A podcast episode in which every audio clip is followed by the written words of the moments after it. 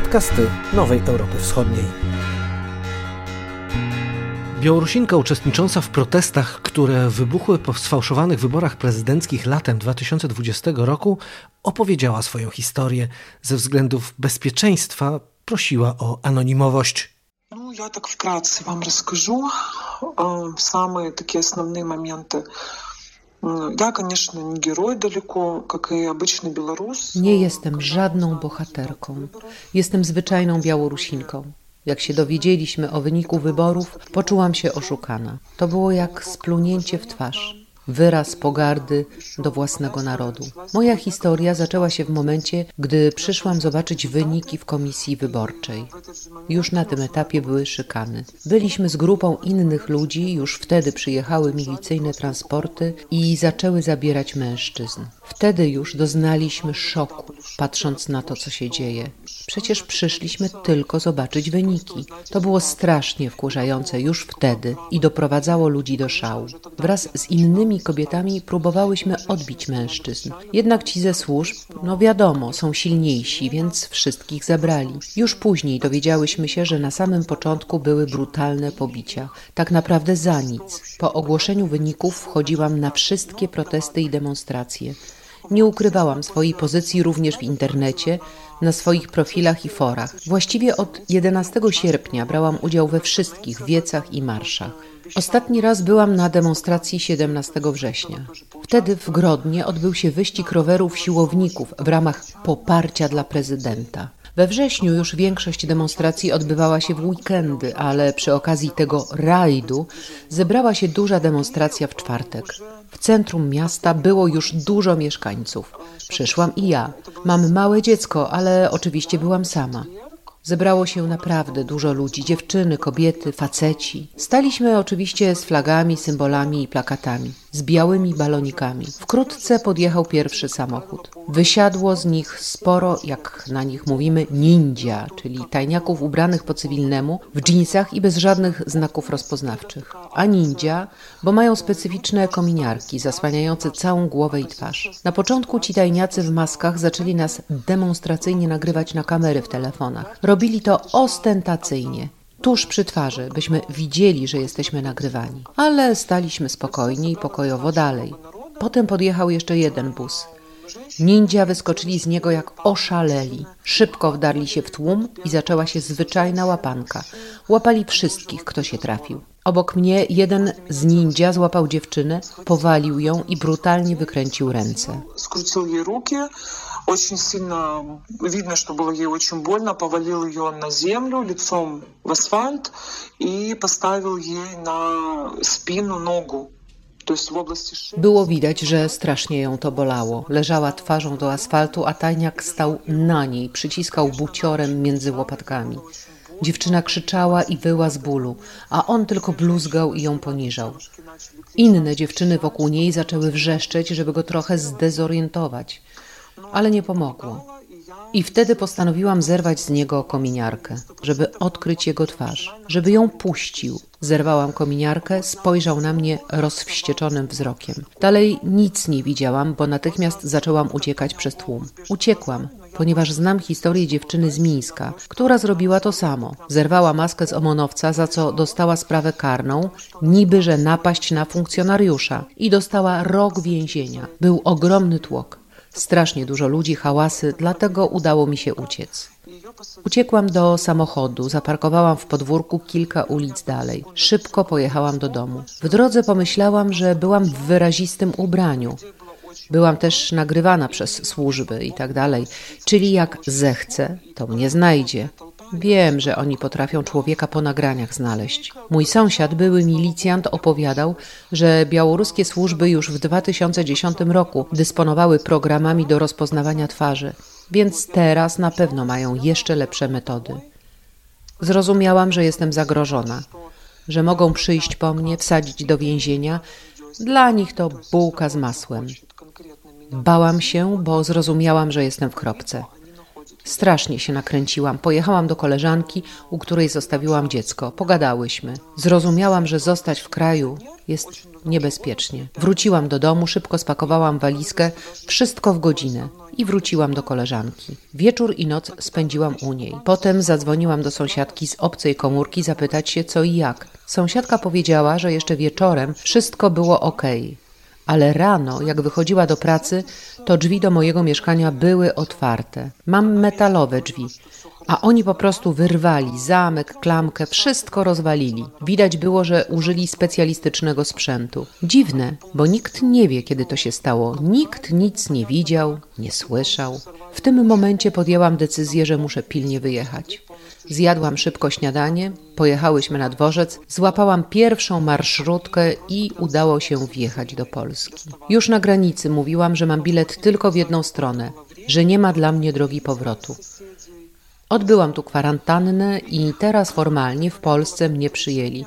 Teraz mam status uchodźcy. Просто вот мы буквально позавтракали и поехали на вокзал, на ближайшую маршрутку, сели и уехали в Польшу. И в Польше мы прошли карантин. На границе я уже тоже говорила, что я, у меня билет в один конец.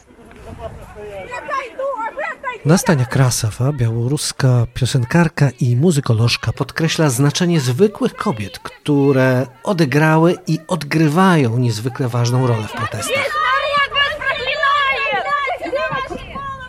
Cały świat obiegły zdjęcia kobiet, które wyszły z kwiatami w sierpniu obok rynku komorowskiego w bieli ustawiły się w tak, taki łańcuch solidarności kobiety, które stały na placu zwycięstwa i śpiewały kołysankę, kobiety, które dawały kwiaty omonowcom, czyli zomowcom, kobiety, które ustawiły się obok czerwonego kościoła na placu niepodległości, kobiety, które wychodziły ze zdjęciami pobitych mężczyzn i patrzyły surowo w oczy funkcjonariuszy i pokazywały te zdjęcia, kobiety, które braniły własnymi ciałami mężczyzn, na których polowali siłowicy.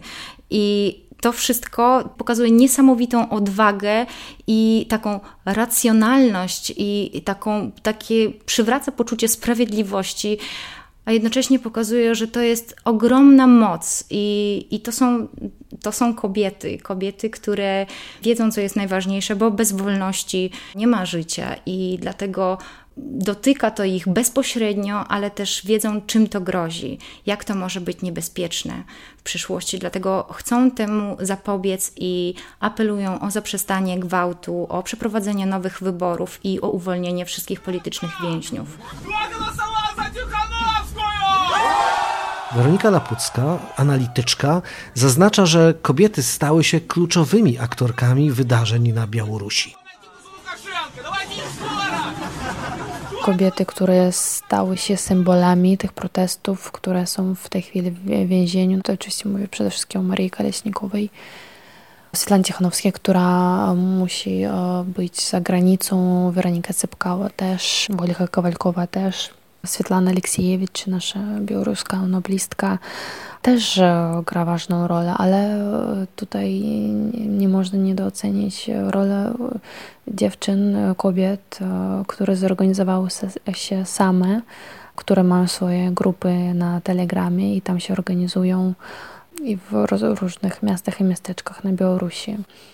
To, że kobiety po raz pierwszy tak naprawdę w historii współczesnej Białorusi włączyły się w te procesy, pokazuje na ile oburzające jest to, co się dzieje na Białorusi i na ile też kobiety się poczuły silne i też pewne siebie, pewne tego, że mogą też walczyć o swoje prawa, o wolność, o, o rzeczy, które są ważne dla rozwoju demokratycznego na Białorusi, o wartości, które Białorusini dzielą z rozmaitymi krajami, przede wszystkim Zachodu oczywiście. Dla wielu obserwatorów przebudzenie Białorusinów, a zwłaszcza kobiet, było zaskoczeniem. Nastania Krasowa uważa, że kobiety zawsze odgrywały ważną rolę w tradycji i historii jej kraju, choć często były niedostrzegane.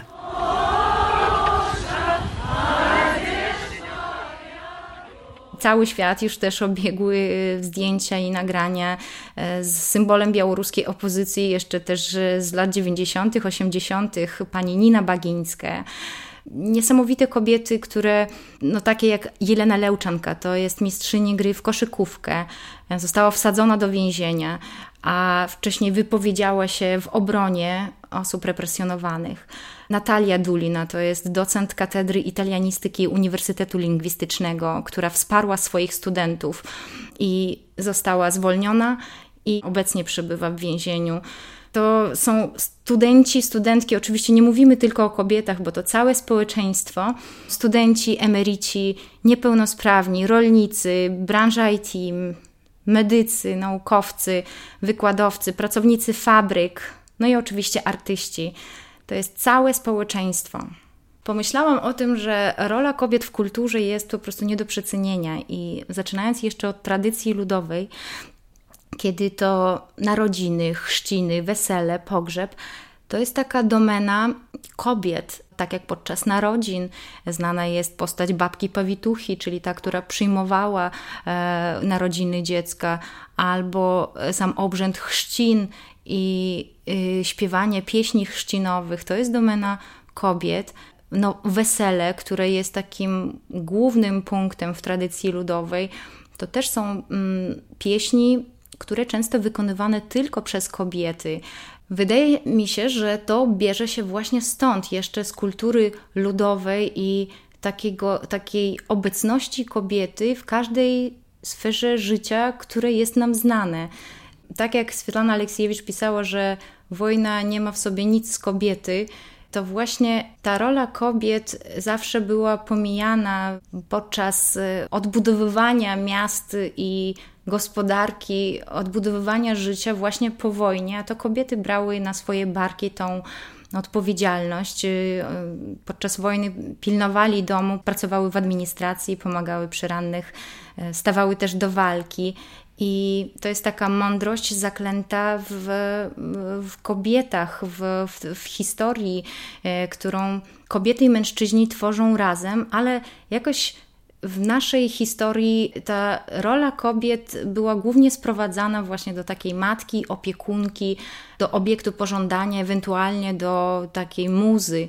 I Dopiero niedawno wiadomo, że od końca XIX, początku XX wieku no ten ruch sufrażystek zapoczątkowany w Wielkiej Brytanii i w Stanach rozpoczął taką wielką dyskusję o roli kobiet, y, jaka ona jest ważna. I Obecnie, kiedy narzędzia współczesne no, nie dają rady walczyć albo ustalić sprawiedliwość dawnymi metodami, to kobiety biorą na siebie tą, jakby przyjmują odpowiedzialność po raz kolejny, żeby naprawić y, tą niesprawiedliwość albo bronią też mężczyzn, bronią tego świata, tak żeby on mógł funkcjonować. I na Białorusi kobiety też doszły do głosu, aczkolwiek ten publiczny język w mediach, gdzieś w przestrzeni publicznej jest bardzo niesprzyjający do tej pory, o czym mogą świadczyć wypowiedzi polityków, czy chociażby pana Aleksandra Łukaszenki, który no, bardzo niechlujnie opowiada się o kobietach. I zdaje się, że no, takim mocnym punktem był rok 2015 w naszej najnowszej historii, kiedy to Swietlana Aleksiejewicz została, no to jest nasza jedyna noblistka i to jest właśnie kobieta, która jakby została uznana międzynarodowo, tak jakby ten status kobiety trochę się podniósł w powszechnej świadomości. Zresztą do 2015 roku nie było takich mocnych postaci polityków wśród kobiet, a tutaj w 2015 roku Tecjana Karatkiewicz została pierwszą kobietą na Białorusi, która zarejestrowała się jako kandydatka na prezydenta Białorusi. Kandydowała na urząd prezydenta w wyborach w 2015 roku. I w 2020 roku widzimy już ten wzmożony ruch, gdzie e, trzy niesamowite kobiety mm, zjednoczyły się i stały się takim wyrazem solidarności, też takiej mądrości, niezależnie od płci, ale akurat to kobiety dokonały takiego aktu solidarności, takiego wsparcia dla wszystkich, którzy niesprawiedliwie byli traktowani, którzy są represjonowani i stanęli w obronie społeczeństwa białoruskiego i postanowili reprezentować białoruski naród właśnie w wyborach prezydenckich. No niesamowity ten przykład takiej miłości kobiety do swojego męża no, podała Świetlana Cichanowska, która nie zamierzając kandydować, właśnie wystawiła swoją kandydaturę, podjęła ten cały wielki trud kandydowania, organizacji wszystkich spotkań i kampanii wyborczej, no i później po wyborach również koordynowała i do tej pory jest mocną postacią w białoruskiej polityce w, naszych czasach obecnych. Weronika Cympkale i Maria Kaleśnikowa to są już symbole. Maria Kaleśnikowa, która wybrała Białoruś, która stała się symbolem odwagi takiej wojowniczki o sprawiedliwość, mogła wyjechać z kraju, ale jednak porwała paszport na granicy, tak żeby zostać w kraju, uświadamiając nam wszystkim, że to jest prawa każdego obywatela, żeby swobodnie przemieszczać się, wyjeżdżać i wjeżdżać do kraju. Pokazała, że działa w granicach prawa i sprowadza wszystkich zbrodniarzy, właśnie pokazując, że jest prawo, które obecnie nie działa, ale przyjdą czasy i każdy będzie rozliczony według jego czynów.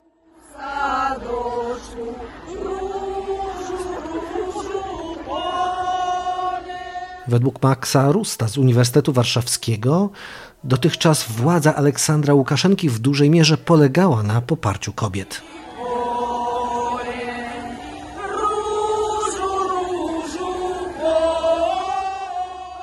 Elektorat Łukaszenki w ciągu ostatnich lat to były przede wszystkim e, kobiety. To też wskazywały różne badania opinii społecznej, natomiast postrzegania roli kobiet zaczęły się zmieniać w ostatnim czasie i ponad połowa kobiet z ostatnich wyników ostatnich badań zaznaczała, że kobiety w białoruskiej e, polityce nie są na należytym poziomie reprezentowane, ale często to był też taki utarty mit, że te kobiety stanowią jądro elektoratu Aleksandra Łukaszenki.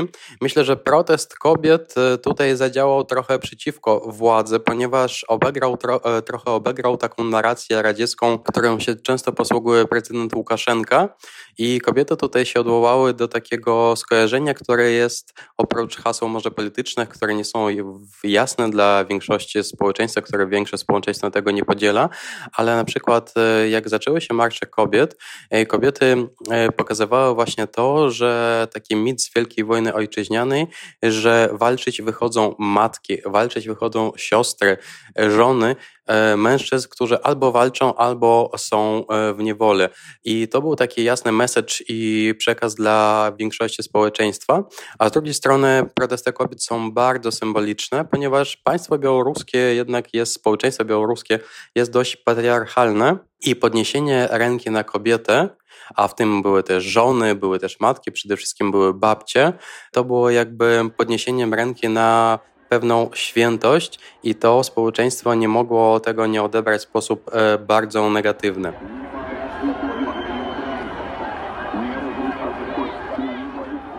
Socjolożka Aliena Garilszewa zaznacza, że dużą rolę w aktywizacji kobiet odegrała próba brutalnego spacyfikowania pokojowych protestów przez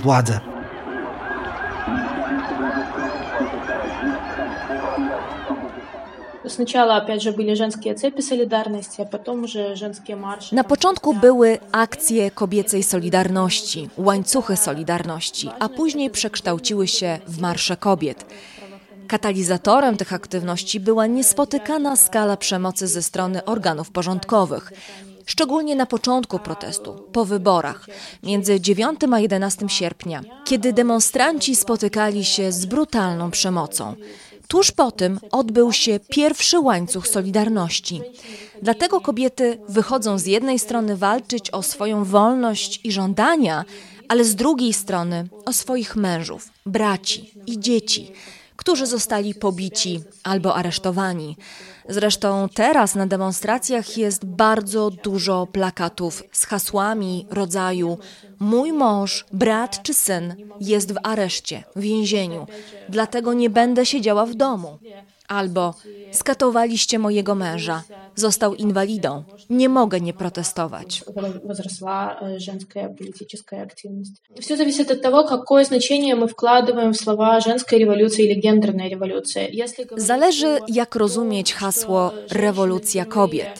czy rewolucja genderowa. Tu przypominam mizoginistyczną retorykę Łukaszenki, który często mówił, że polityka to sprawa mężczyzn, że konstytucja nie była pisana dla kobiet i tak. Dlatego tak, teraz kobiety publicznie i głośno deklarują, że są samodzielne i niezależne. Są podmiotem politycznym, mają swoje żądania i prawa, chcą w polityce uczestniczyć aktywnie. Czyli nie są tylko przedmiotem, a są obywatelkami.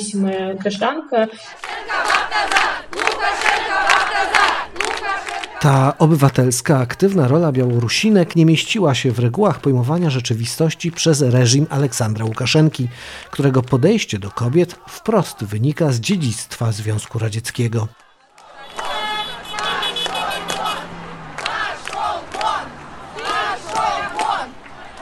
Anton Ceflajew, Uniwersytet Warszawski, zajmuje się Europą Wschodnią, antropologią kulturową i Białorusią. Relacje e, Łukaszenko z kobietami mają długą tradycję, że tak powiem. Łukaszenko jest produktem sowieckim. I no, wbrew temu, co się mówiło w Związku Radzieckim, kobieta jednak była zepchnięta do pełnienia pewnych ról i pewnych obowiązków. Czyli działał w sowieckim wydaniu socjalizmu szowinizm.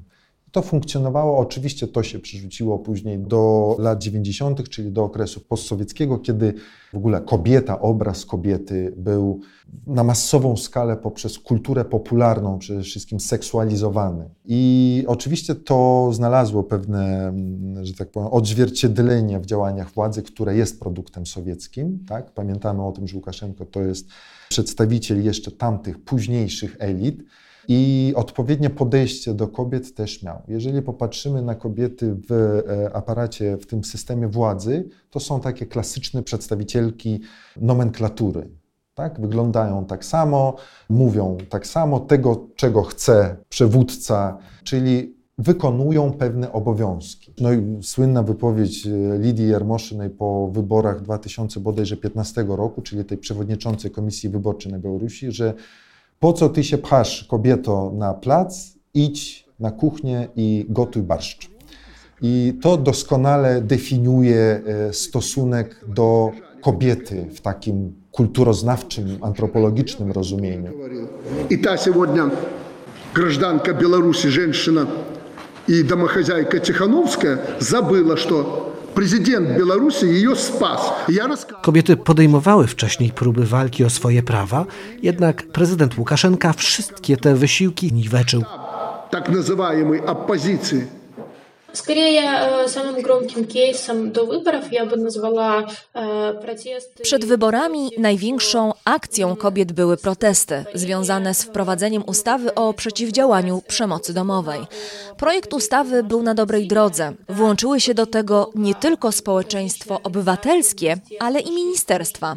Ale Łukaszenka, jak zwykle, w jednej ze swoich durnych gadek powiedział coś w rodzaju: Biłem swoje dzieci, wszyscy leją dzieci i nic, wychodzą na ludzi. Faktycznie zniweczył wieloletnią pracę wielu osób. I na te akcje była natychmiastowa reakcja. Pojawiła się kampania kobiet, która stała się zalążkiem kobiecego ruchu protestu. Moim zdaniem odbyła się zasadnicza zmiana postrzegania siebie. Wiele kobiet przestało utożsamiać się skórą domową, zaczęły działać społecznie i politycznie. Dla wielu z nich to jeszcze do niedawna nie do pomyślenia. Nie wątpię, że ten reżim kiedyś wkrótce padnie, ale kultura polityczna zmienia się już teraz i kobiety stały się jej elementem składowym. Oczywiście, wiele z nich później przestanie udzielać się politycznie i wróci do zwykłego życia, ale wiele też zostanie w życiu społecznym i politycznym. Wychodzić i swoje prawa i wykorzystywać instrumenty pomimo ulicznych akcji. Przedstawicielom reżimu nie mieściło się w głowach, że kobieta, Swietłana Ciechanowska, tutaj apelująca do Białorusinów o poparcie, może stanowić realne zagrożenie dla władzy Aleksandra Łukaszenki. Że w воскресенье 23 августа пройдет марш Nowej Białorusi. W 2020 roku, latem, w okresie tej kampanii przedwyborczej, Oczywiście Łukaszenko dał jak gdyby jeszcze więcej sygnałów. Kiedy pozostała sama Cichanowska i już się zapowiadało lekkie i, jak on mówi, eleganckie zwycięstwo, okazało się, że społeczeństwo zaufało Cichanowskiej, Cepkałej i Kaleśnikowej. I stąd się posypały nowe wypowiedzi typu prezydentem nigdy nie może być kobieta, ponieważ nie udźwignie na swoich słabych barkach tego ciężaru bycia prezydentem na Białorusi. Sam fakt tego, że on wyeliminował mężczyzn, swoich jak gdyby głównych rywali, Babaryko, Capkało i Cichanowskiego, to jak gdyby była droga wolna. Natomiast to, że społeczeństwo w tym okresie, które już nie ufało władzy od bardzo dawna, a epidemia to tylko wzmocniło to uczucie, wydała taki kredyt zaufania tym nowym liderkom, nowym przewodniczącym, które mówili do nich językiem dostępnym. Też warto podkreślić, że te nowe twarze w białoruskiej polityce oni nie mówią językiem starych elit politycznych, oni nie mówią o kwestiach narodowych, oni nie mówią o języku, oni nie mówią, że trzeba iść tylko i wyłącznie na zachód, trzeba zerwać relacje z Rosją. Nie, tego nie ma w ich retoryce. W ich języku jest rozmowa ze społeczeństwem, że my chcemy zmian, doprowadzimy do tych zmian i później razem będziemy decydować, co robić. Społeczeństwo zaufało, nawet po tym, jak Cichanowska została wypędzona z kraju, później jak zmuszana do nagrywania tych filmików, tak, poniżających w internecie, społeczeństwo i tak ufało, i tak wspierało e, i Cichanowską, i Kaleśnikową, E, i Cepkałę i e, nowe i nowe, nowe symbole kobiecej odsłony tej rewolucji. No, takim doskonałym przykładem jest Nina Bagińska na przykład, tak? ta babcia, która protestuje już od 30 lat. Władza, która e, przeoczyła ewidentnie ten moment i dostała cios z niespodziewanej strony, zaczęła jak gdyby próbować nadrabiać, pokazywać, że kobiety są za, e, popierają Łukaszenko generalnie zaczęła po prostu imitować to, co e, robi protest, to, co ro robią ludzie. Natomiast gdy imitujesz, no oczywiście e, ta imitacja będzie miała zniekształcone formy. No i jeden, jedna z takich imitacji, po której już raczej zrezygnowano z tej kwestii, to był koncert dla kobiet. Jest podkreślany ten wątek, że to kobiecy protest, tak, że to kobiece marsze, natomiast on jest jak gdyby bezpłciowy. E, ta bezpłciowość jak gdyby jest cały czas obecna i ona generuje to, że e, ludzie ufają, tak? Oni nie zwracają uwagi, to kobieta, nie kobieta i, i tak dalej. Łukaszenko ewidentnie postanowił e, pokazać e, obraz takiego macho, który zadba o wszystkie kobiety, no i tam go i całowali i, i ledwo na kolanach przed nim nie stali,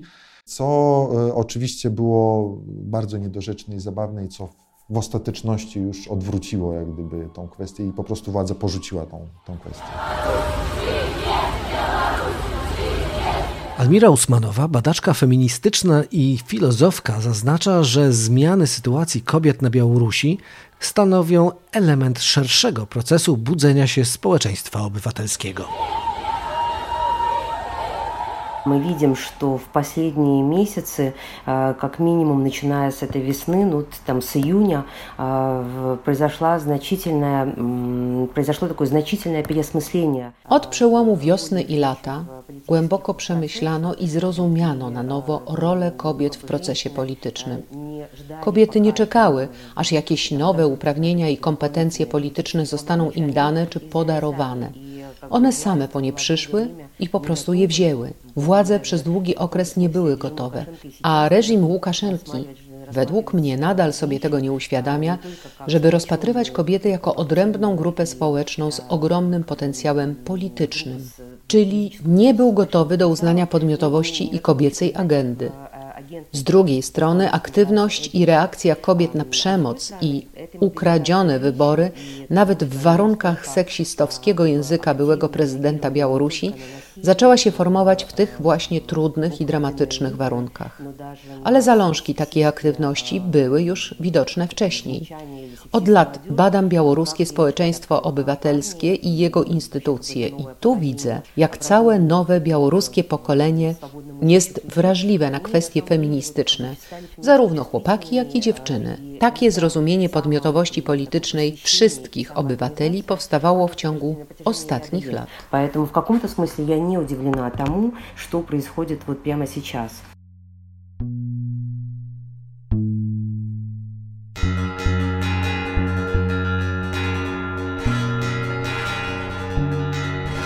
Podcast zrealizowany przez Free Range Productions.